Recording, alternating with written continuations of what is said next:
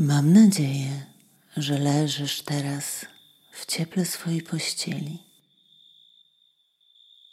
że otula cię i sprawia, że czujesz się bezpiecznie. Sprawy dnia codziennego zostawimy teraz za sobą.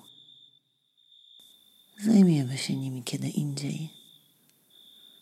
Teraz interesuje nas sen, życiodajny, esencjonalny, jak kakao babci, odświeżający jak kropelki rozpryskujące się przy fontannie w gorący dzień.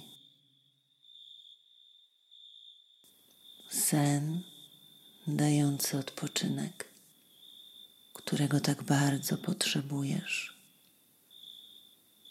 Wtulimy się więc w nasze łóżko i zostawimy kurz dnia codziennego daleko za sobą.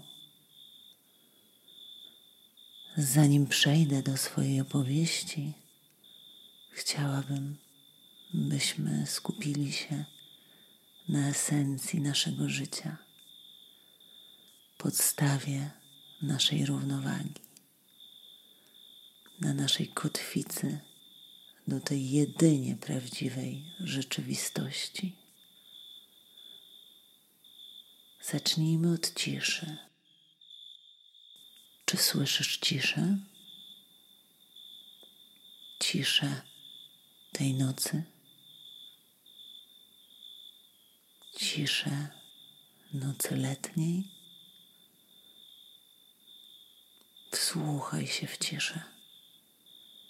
Jeśli pojawiają się jakieś dźwięki, nie oceniaj ich, tylko obserwuj. Bądź z tym, co jest chwila po chwili.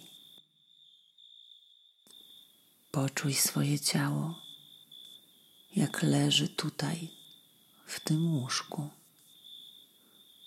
Jak dokładnie to czujesz? Jak czujesz pościel? Może wyciągasz jedną stopę spod niej? Czy leżysz na plecach? na brzuchu? Jakie to uczucie dla ciała tutaj, teraz leżeć?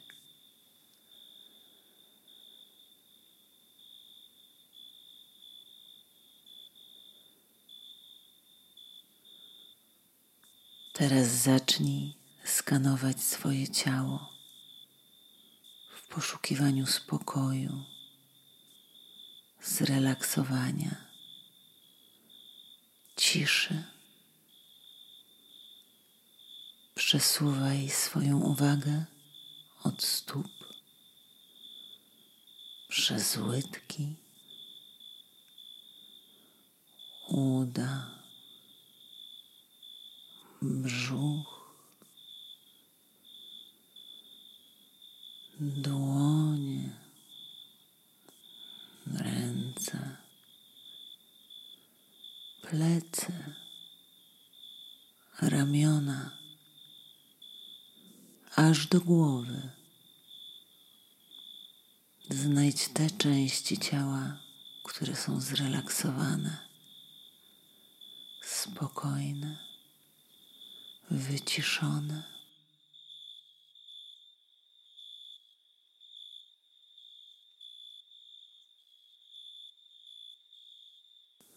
Zwróć uwagę na swoją twarz.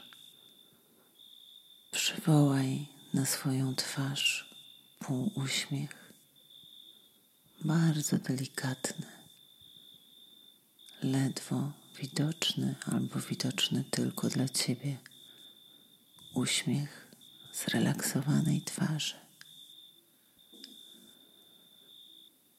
Zobacz, czy Twoja twarz jest zrelaksowana. Poszukaj odprężenia w miękkości brzucha. Znajdź relaks w delikatnych ruchach Twojej klatki piersiowej, kiedy wznosi się i opada przy każdym wdechu i wydechu. Kiedy znajdziesz takie miejsce, miejsce w ciele, gdzie czujesz jakąś przyjemność, skup uwagę na tej części ciała. Pozwól sobie ją naprawdę poczuć. Przyjemne uczucie odprężenia, proste rozkoszowanie rozluźnionego ciała. Oddaj się temu uczuciu. Poznaj, jak to jest czuć się zrelaksowanym.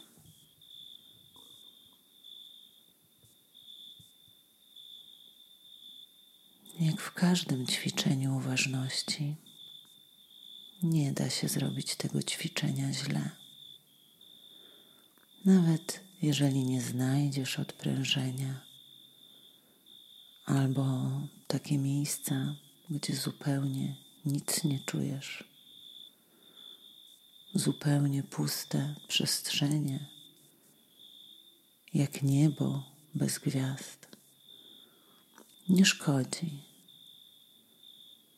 Wystarczy, że kierujesz swoją uwagę na ciało. Nie oceniasz tego, co spotykasz,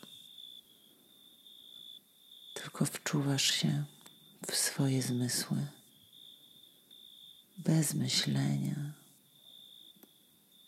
bez oceniania. Tylko o to chodzi w ćwiczeniu obserwowania.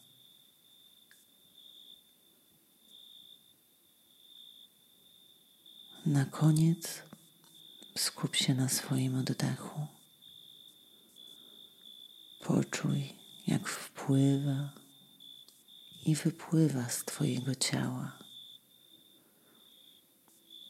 Wyobraź sobie, że napięcie jest cieczą i że przy każdym wydechu wypływa z Twojego ciała dalej przez podłogę, aż opuszcza nawet Twój pokój i dom.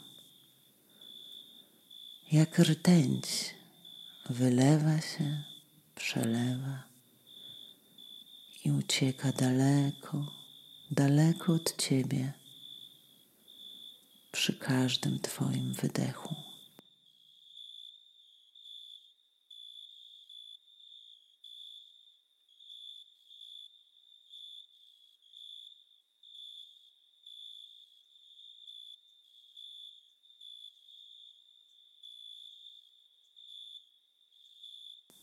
Skoro jesteśmy już tu i teraz, możemy przejść do listu, który zostawiła mi moja pra, prababcia. Napisała w nim tak. Mogę spróbować opisać drogę do Królestwa Kwiatów, a jednak nikt tam się nie dostanie Teoretycznie jest to możliwe, ale to mniej więcej taka różnica jak pomiędzy czytaniem o technikach pływania, a samą czynnością utrzymania się na powierzchni wody. Przyznacie, to jednak nie to samo.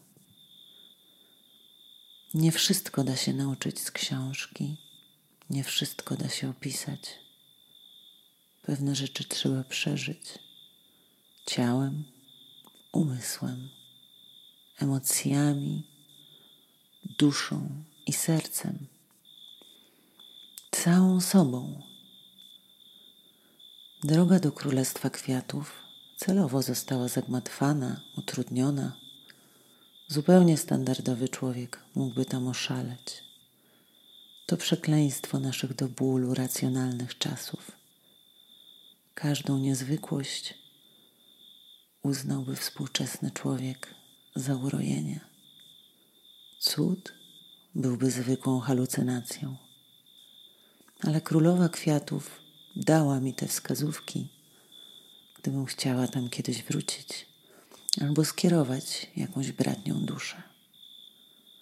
Nie tylko sama droga jest kręta. Czekają na ciebie różne testy. Jeśli przejdziesz przez wszystkie próby, to znaczy, że wytrzymasz niezwykłość tego miejsca, docenisz je i pokochasz. Wtedy wrota królestwa otworzą się dla ciebie szeroko. Ale to na końcu tej podróży. Zacznijmy więc od początku. Najpierw znajdźmy się w Szkocji. To tam zaczyna się nasza podróż. W krainie, która zamieszkana jest od co najmniej ośmiu tysięcy lat. Czy już czujesz ciężar tych wieków? Czy spowiły cię jak ciepły, ciężki aksamit? Jak ciężki królewski płaszcz z czerwonego pluszu, przetykany złotą nicią, perłami, szafirami? Czy czujesz łaskotanie gronostajowego kołnierza na szyi? Czy słyszysz dudy, jak wygrywają starą, omszałą pieśń celtyckich bardów? gorzką i słodką i melancholijną, o tym jak księżniczki elfów musiały umykać do jeziora? Czy słyszysz, jak kamienie zamków szepcą ci do ucha wielkie tajemnice druidów, których świątynie stały tu wcześniej? Czy zapatrzyłeś się w zamglony horyzont? Zobaczyłeś wojowników, opancerzonych w skórzane kolczugi, wygrażających pięścią starym bogom za to, że opuścili ich właśnie tutaj, pośrodku bitwy?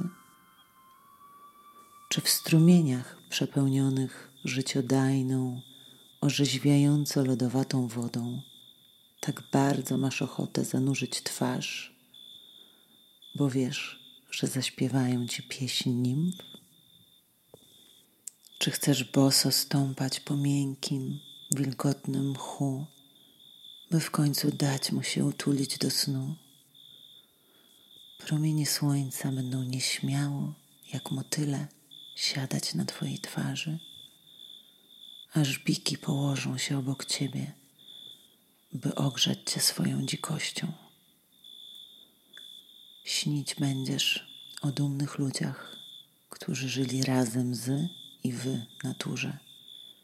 Znali jej tajemnice, a inni brali to za magię. Czy już chcesz wytatuować sobie niebieskie runy ochronne? A może czujesz, jak same pojawiają się na Twojej twarzy? Dobrze. To znak, że wiesz, dokąd dalej masz iść. W Glasgow wsiądziesz więc do West Highland Railway, nazywanym również pociągiem Harry'ego Pottera. Tak, to ten sam, który był w filmie. Ogromna, stalowa, czarna i spokojna jak noc lokomotywa. Jak słoń ma uśmiechnięte oczy mruga tylko do niektórych. Do ciebie mruga porozumiewawczo, powolna, dostojna, magiczna. Zatracisz się tej podróży. Już na pierwszej stacji się zgubisz, albo przeciwnie. Powiedziałabym, że tam właśnie dopiero się odnajdziesz w oparach dymu czarnej lokomotywy powoli wsiądziesz do środka. Nie będziesz widzieć nic prócz tego wszechogarniającego dymu, słodkiego jak przypalany cukier, kiedy staje się karmelem. Patrzysz w okno, jak kobra czarowana melodią z fletu, nie możesz oderwać nieprzytomnego wzroku. Mijamy magiczne jeziora, spowite różową mgłą, jak watą cukrową.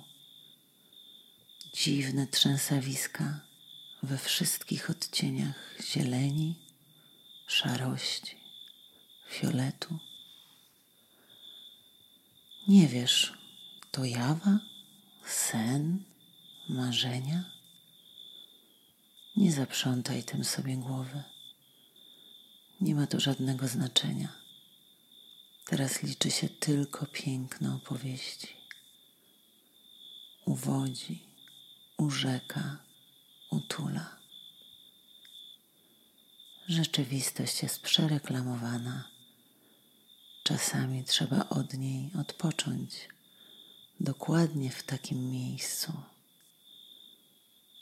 Tuk, tuk, tuk, tuk, tuk, tuk. Świat przesuwa się za oknem. Nie wiesz już, czy to ty jedziesz, a może stoisz w miejscu, a to obrazy przesuwają się za oknem. Obrazy zupełnie nierzeczywiste, baśniowe, namalowane akwarelą. Plamy kolorów mieszają się na Twoich oczach. Sprany zielony staje się seledynowym. Potem błękitem kropla czerwieni rozlewa się na wszystkie strony i mamy fiolet. Potem znowu trochę bieli błąkamy się niespiesznie w pastelach. Czujesz się tak bezpiecznie w swoim przytulnym przedziale, w wygodnej pozycji siedzisz, wciśnięta zupełnie w tak bardzo miękki fotel, że wydaje się być chmurą. Miłe w dotyku obicie pachnie czekoladą i taki też ma kolor Przelewasz się jak w basenie kulkowym. Widzisz zamki na szczytach ośnieżonych gór, które stoją tam na straży naszego bezpieczeństwa i spokoju, jak dumne olbrzymy z powierzoną im misją pokojową. Wiesz już, że Nessie nie jest żadnym potworem, tylko ostatnim ze złotych smoków, który skrył się w odmętach Loch Ness. Jeśli widzisz te piękne obrazy, słyszysz tę pieśń dawnych historii, to zamiast do ostatniej stacji pójdziesz do ostatniego wagonu, z którego wysiadasz, cóż, Lasa, Tybet. Tam kończy się Twoja podróż koleją. Ty oczywiście nie dziwisz się wcale. Po tym, co widziałeś, czułeś, słyszałeś, zupełnie naturalnym wydaje się, że magiczny pociąg zawiezie Cię zupełnie w niespodziewane miejsce. Kiedy na dworcu widzisz człowieka z kartką z Twoim imieniem, Dokładnie wiesz, co masz robić.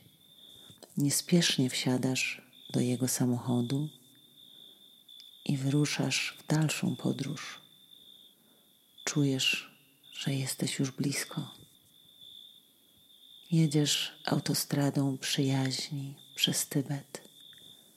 Widzisz lasy i nagie szczyty gór. Gdzieś tam na górze przykryte litościwie chłodnym śniegiem. Ostre zakręty, serpentyny nad przepaścią nie przerażają cię. Uspokajają raczej, bo wiesz, że stary, pomarszczony mądrością kierowca jechał tą trasą setki razy. Widzisz medytujące, dzikie jaki, którym przyjemnie ciepło w ich futrzanych grzywach nieskończenie szerokie, przepastne łąki, kwitną makami, chabrami, zieloną, ostrą, wysokogórską trawą. Wyżyna tybetańska, największy płaskowyż świata. Na jego południowym krańcu czuwają cichutko Himalaje. Tutaj kierowca wysadza cię, dalej masz iść na piechotę. Nie mówi dokąd, ale ty doskonale wiesz, że droga, którą masz iść, droga, która zawiezie cię do celu, to starożytny szlak herbaciany. Starożytna droga, która kiedyś miała ponad dwa tysiące kilometrów, a dzisiaj pozostało z niej tylko wspomnienie. Smagana wiatrem, zalewana tropikalnymi ulewami, nikt już dzisiaj nie dźwiga setek kilogramów herbaty, wymienić ją na konie, na specjalnie wyhodowaną w Tybecie rasę górskiego konia. Myślisz o klasztorze Drepung, w którym dawniej 7700 mnichów dwa razy dziennie piło herbatę. Widzisz lśniące w słońcu kopuły. W jego promieniach wydają się złote. Migocą, mrugają, śmieją się tak jak mnisi, którzy bezszelestnie przechadzają się w swoich karminowych szatach po krużgankach, które przełamują to bogactwo kolorów swoją ascetyczną bielą. Słyszysz dzwony medytacyjne i śpiewane mantry, gdzie niegdzie ciche rozmowy o tym, że w tu i teraz, w tej właśnie chwili kryją się wszelkie tajemnice szczęścia.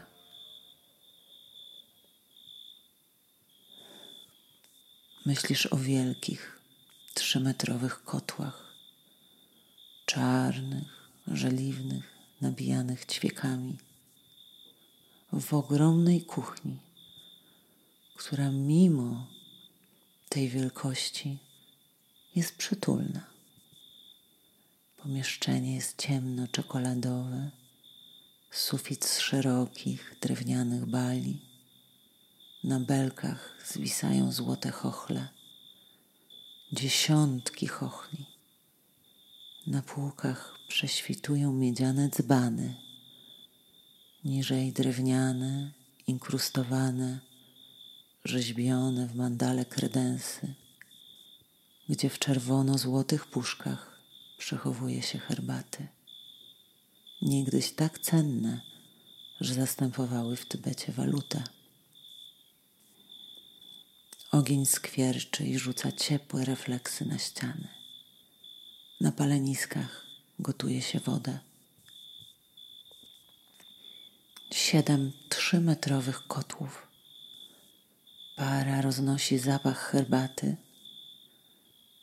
Mnich, mistrz parzenia herbaty, wchodzi po schodkach. Będzie dodawał masło robione z mleka jaków odcina plastry z ogromnych bloków tego drogiego tłuszczu, które wieśniacy przynoszą do świątyni w darach.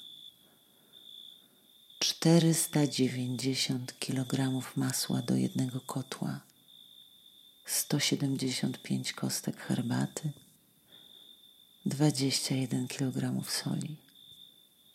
Stu mnichów miesza dwumetrowymi chochlami napój który dla nich jest życiodajnym eliksirem.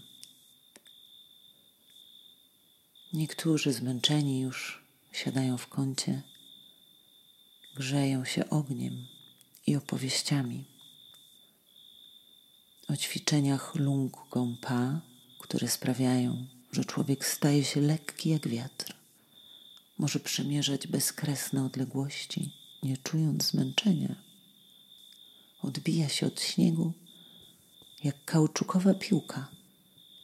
Mistrzowie Lungompa muszą owijać się łańcuchami, by nie odlecieć z wichrem. Inni uczą się tumo. To również ćwiczenia oddechowe. Tutaj uczą się po to, by zawsze było im ciepło. Nieważne, czy siedzisz w pustelni, grocie skalnej na pięciu tysiącach metrów, czy idziesz przez śnieżną zawieję, nie czujesz zimna. Musisz jednak zaakceptować, że nigdy nie wolno ci już będzie używać ognia, a nawet ubrać kożuch, futro czy wełnę, czy schować się w zaciszu ciepłego pomieszczenia. Musisz przejść przez wiele prób, siedzieć nago nad brzegiem zamarzniętej rzeki albo wręcz nad przeręblem. Kiedy ty siedzisz w kwiecie lotosu i skupiasz się na oddechu, mistrz moczy prześcieradło w lodowatej wodzie i owija cię nim. Ty dzięki swoim umiejętnościom bez wysiłku wysuszasz prześcieradło, a nawet czterdzieści prześcieradeł po kolei. Idziesz przed siebie, widząc te obrazy w swojej głowie. Szwędasz się po surowych bezdrożach dachu świata, ale jest ci lekko, bo czujesz w sobie magię tej krainy, nazywanej kiedyś przez rozmarzonych podróżników orientalną Atlantydą, legendarnym Shangri-La. Błąkasz się po szerokich łąkach, czasami trafiasz na zatarty dawno szlak herbaciany, ale tylko czasami widzisz pojedyncze kamienne schody, które przetrwały próbę czasu i bezlitosnych żywiołów. Docierasz do Doliny Dziewięciu Palisad. Zieleń obzwładnia cię. Lasy, zakajniki, mchy, świecące jeziora, szemrzące strumyki. Ptaki śpiewają w konarach drzew. Właśnie tam, gdzieś między jawą a snem, nadzieją a goryczą, jest ta grota nazywana przez wiedzących kominem, kominem dachu świata. Może wejdziesz do odpowiedniej groty, może nie zabłądzisz w jej skalnych tunelach. Może znajdziesz w końcu ten tak bardzo lodowaty wodospad, że oczywistym by się stało, że nie jest z tego świata. Przebiec przez niego nikt nie zdoła, każdego zimno zmrozi do utraty przytomności. No ale załóżmy, że się odważasz i padasz bez tchu po drugiej stronie tego wodospadu. Po drugiej stronie znajdziesz się na polanie, jasnej i pełnej kwiatów i motyli. Kiedy litościwe słońce, które tam staje się współczującym, ogrzeje cię i ciało ci odtaje. Kiedy wreszcie otworzysz oczy, nie uwierzysz swym zmysłom. Pomyślisz, że to jakiś sen przedśmiertny, albo w ogóle, że jesteś w raju. Ewentualnie znalazłeś się w jakiejś kiczowatej kreskówce Disneya czy Pixara. Dlatego właśnie sprawdzano wielokrotnie Twoją wyobraźnię, żebyś w tym momencie nie zwątpił w swoje zmysły. Usłyszysz licytację ptaków, które sprzedają, kupują nowe gniazda, rozprawkę sowy na temat tego, który nawóz jest najlepszy odzwierzęcy czy roślinny głęboko filozoficzny monolog kamienia o wyższości duchowej skał, ponieważ są od zawsze i na zawsze pozostaną. Śmiech źdźbła trawy, bo łaskoczą go główki rozplenicy japońskiej a dokładnie odmiany Little Bunny. Plotki polnych kwiatów, o tym, że maki jakieś takie blade ostatnio, wcale nie czerwone, bardziej różowe. A trzcina jakby już mniej smukła po zimie. Łapiącą za serce sonatę mchu o drzewie, które wyrosło mimo wszelkich przeszkód, suszy, wyjałowionej ziemi i ataku chuby w dzieciństwie. Promienie słońca będą pieścić cię, a rosa orzeźwiać swoimi perłowymi kroplami. Mrówki zatrzymają się i zaczną robić ci zdjęcia, błyskając fleszami swoich aparatów. Biedronki przelatując ułożą się w różne hasła reklamowe, przekrzykując się w marketingowych pomysłach. Jednym słowem, poczujesz się znowu dzieckiem. Kiedy nie robiono jeszcze testów wyobraźni i każdy mógł się tam dostać, zwykle osoba racjonalizowała sobie, że to wszystko jest przecież niemożliwe. Pewnie ktoś mnie czymś nafaszerował, albo może mam początki jakiejś wyjątkowo barwnej psychozy. Taki sceptycyzm od razu przerzuca tą osobę z powrotem do jej świata. Kiedyś, kiedyś, kiedy czarownice jeszcze nie płonęły na stosach, a magiczne istoty zapełniały bezkresne puszcze, wtedy łatwiej było przejście. Wtedy byliśmy przyzwyczajeni do magii lasu, magii roślin i zwierząt. Osoby brały te dziwy za dobrą monetę. Nie wątpiły w możliwość istnienia nieskończonych wersji wszystkiego, ale wraz z postępem zapomniały, oślepły i ogłuchły. Dlatego transfery zdarzały się bardzo rzadko, właściwie na ogół przypadkiem, albo z jeszcze magicznych światów, gdzie zaraza zwana postępem naukowym, która odziera świat z baśni, nie dotarła. Tak więc daleko, za górami, lasami i szemrzącymi inaczej niż u nas strumykami, pachnącymi puszczami, tajemniczymi zagajnikami, głęboko między marzeniem a snem, jest sobie przepiękne i przedobre królestwo kwiatów. Wszyscy mieszkańcy królestwa zajmują się hodowlą roślin, ale tylko ozdobnych. Inna sprawa, że nawet oset uważany tam jest za ozdobny przynajmniej przez frakcję naturalistów. Kwiatanie dają swoim kwiatom tyle miłości i szacunku, że te z wdzięczności owocują. I tak krzewy róż mają też pączki z lukrem i marmoladę w środku, oczywiście różaną.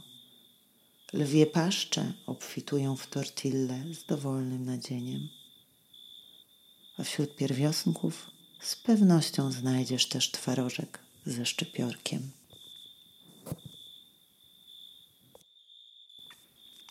Kwiatanie są bardzo szczęśliwi, a okazują to tak rozkosznie, że nawet paprocie rozmnażają się w nadmiarze i wysuwają płatki swoich tajemniczych kwiatów, by spełniać każdą, najdziwniejszą nawet zachciankę. Do snu Sowy szepcą im najpiękniejsze bajki o dalekich krainach, gdzie przez złoto pustyni powoli ciągną karawany kupców. Obok suną wielbłądy objuczone drogocennymi kamieniami. Trójkątne, popękane budowle spokojnie drzemią pod nieskończonym niebem gwiazd o oazach, które wyrastają spośród migocącego powietrza.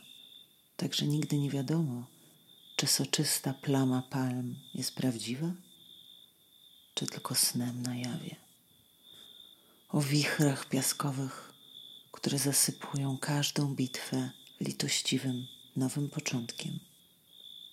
O cywilizacjach, które walą się w gruzy, by na ich zgliszczach powstały następne. O wieży, która miała sięgać nieba i budowali ją wszyscy. Jej kolejne piętra zwężały się, na tarasach sypano dwa metry ziemi i sadzono każdą roślinę, jaką można było znaleźć. Te wiszące ogrody wznosiły się aż do nieba. O wielkich motylach, o złotych skrzydłach, które prowadzą różowo-szarego hipopotama do jaskini szmaragdowego smoka. On leży na wielkich hałdach granatowych szafirów, błyskających brylantów, krwistych rubinów, kolorowych topazów. Smok jest piękny. Jego zielone łuski mienią się wszystkimi odcieniami zieleni. Od malachitu po tak jaskrawą zieleń, że wydaje się złoty. Ta niebiańska istota, która powinna mknąć przez galaktyki, jest stara jak sam świat. Zna nawet wielkiego Atuin, gwiezdnego żółwia, który dźwiga jeden ze światów. Jednak nim dojdą do jaskini, przemierzają parną dżunglę, gdzie na gałęziach przewalają się rozkosznie czarne pantery. Możesz dotknąć ich futra, ciepłe, przyjemnie jedwabiste, przez wielkie jak talerze liście, wiszące spokojnie brązowe liany, gdzie nigdzie wpadają snopy światła. Futro wtedy lśni granatowo. W pełnym słońcu wpada nawet windygo. Widzisz ogromne kule pąsowych owoców. Ścieka z nich sok. Pachnie jak lody waniliowe z truskawkami. Słodko i dusząco zapach miesza się z intensywną wonią wielkich karmazynowych kwiatów Ettlingera. Na brzegu ich falbankowych kielichów kucają tęczowe ważki. Gąszcz storczyków, te malutkie, które wiją się po pniach drzew, te ogromne, które zwieszają się jakby z nieba, jak pochodnie, które rozświetlą każdy mrok jedne blade, ledwo tknięte kolorem, inne wściekle kolorowe, jakby nałożyły za dużo makijażu. Burgundowe, które ledwie widać w ciemnym listowiu. Amarantowe, które krzyczą, by je zauważyć. Zielony wąż gdzieś cichutko zsuwa się z drzewa i powoli pełznie do wodopoju ale całą swoją postawą pokazuje ci, że jest absolutnie łagodny. Nawet myszka może się położyć obok niego i odpocząć. Kolorowo, ciemno, duszno i parno jest w tym lesie deszczowym, ale tobie jest dobrze. W tobie bowiem jest nieustająca świeżość, jakby wyjść w ciepły dzień i pobiec boso po mokrej trawie, wprost do jeziora z przyjemnie orzeźwiającą, przezroczystą wodą. W Tobie jest uczucie nieskończonego bezpieczeństwa, poczucie, że wszystko będzie dobrze w tym śnie, tej nocy. Kiedy dokładnie się przyjrzysz, widzisz, że na grzbiecie różowego hipopotama siedzą dzieci. To one mają się spotkać ze smokiem, by wyjawił im odwieczną tajemnicę powszechnego szczęścia. Sowy opowiadają tylko o kolorowych, magicznych krainach. Są to baśnie, które sprawiają, że zasypiasz otulona ciepłem kolorowych słów, snów. Widzisz dziewczynkę z zapałkami, która tańczy w domu. W tle stoi piękna choinka. Mama tuli dziewczynkę, tata gra na pianinie jej ulubioną piosenkę. Dziecko używa zapałek tylko do budowania konstrukcji, które potem maluje na najwspanialsze kolory. Kopciuszkowi bardzo szybko udaje się naprawić atmosferę w swojej nowej patchworkowej rodzinie. Macocha ją uwielbia, siostry wręcz adorują. Ostatecznie mają poczwórny ślub, bo książę ma wielu braci, a matka chrzestna wróżka przynosi niekończące się pasmo szczęścia dla wszystkich ludzi w królestwie. Królewna Śnieżka razem ze swoją drugą matką prowadzą kampanię, by dziewczynki nie skupiały się wyłącznie na pięknie zewnętrznym. Pomaga im Mulan, która przecież prowadzi wspaniale prosperującą szkołę walki. Księżyc już mruga do ciebie z za okna. Ledwo daje radę utrzymać przytomność. Oczy mu się zamykają, a szlafmyca zsunęła się z głowy. Gwiazdy to już dawno śpią, tak głęboko, że obsunęły się ze swoich konstelacji. Droga mleczna wygląda teraz bardziej jak łąka. Cały świat oddycha spokojnie, równomiernie i ma nadzieję, że Ty też już śpisz.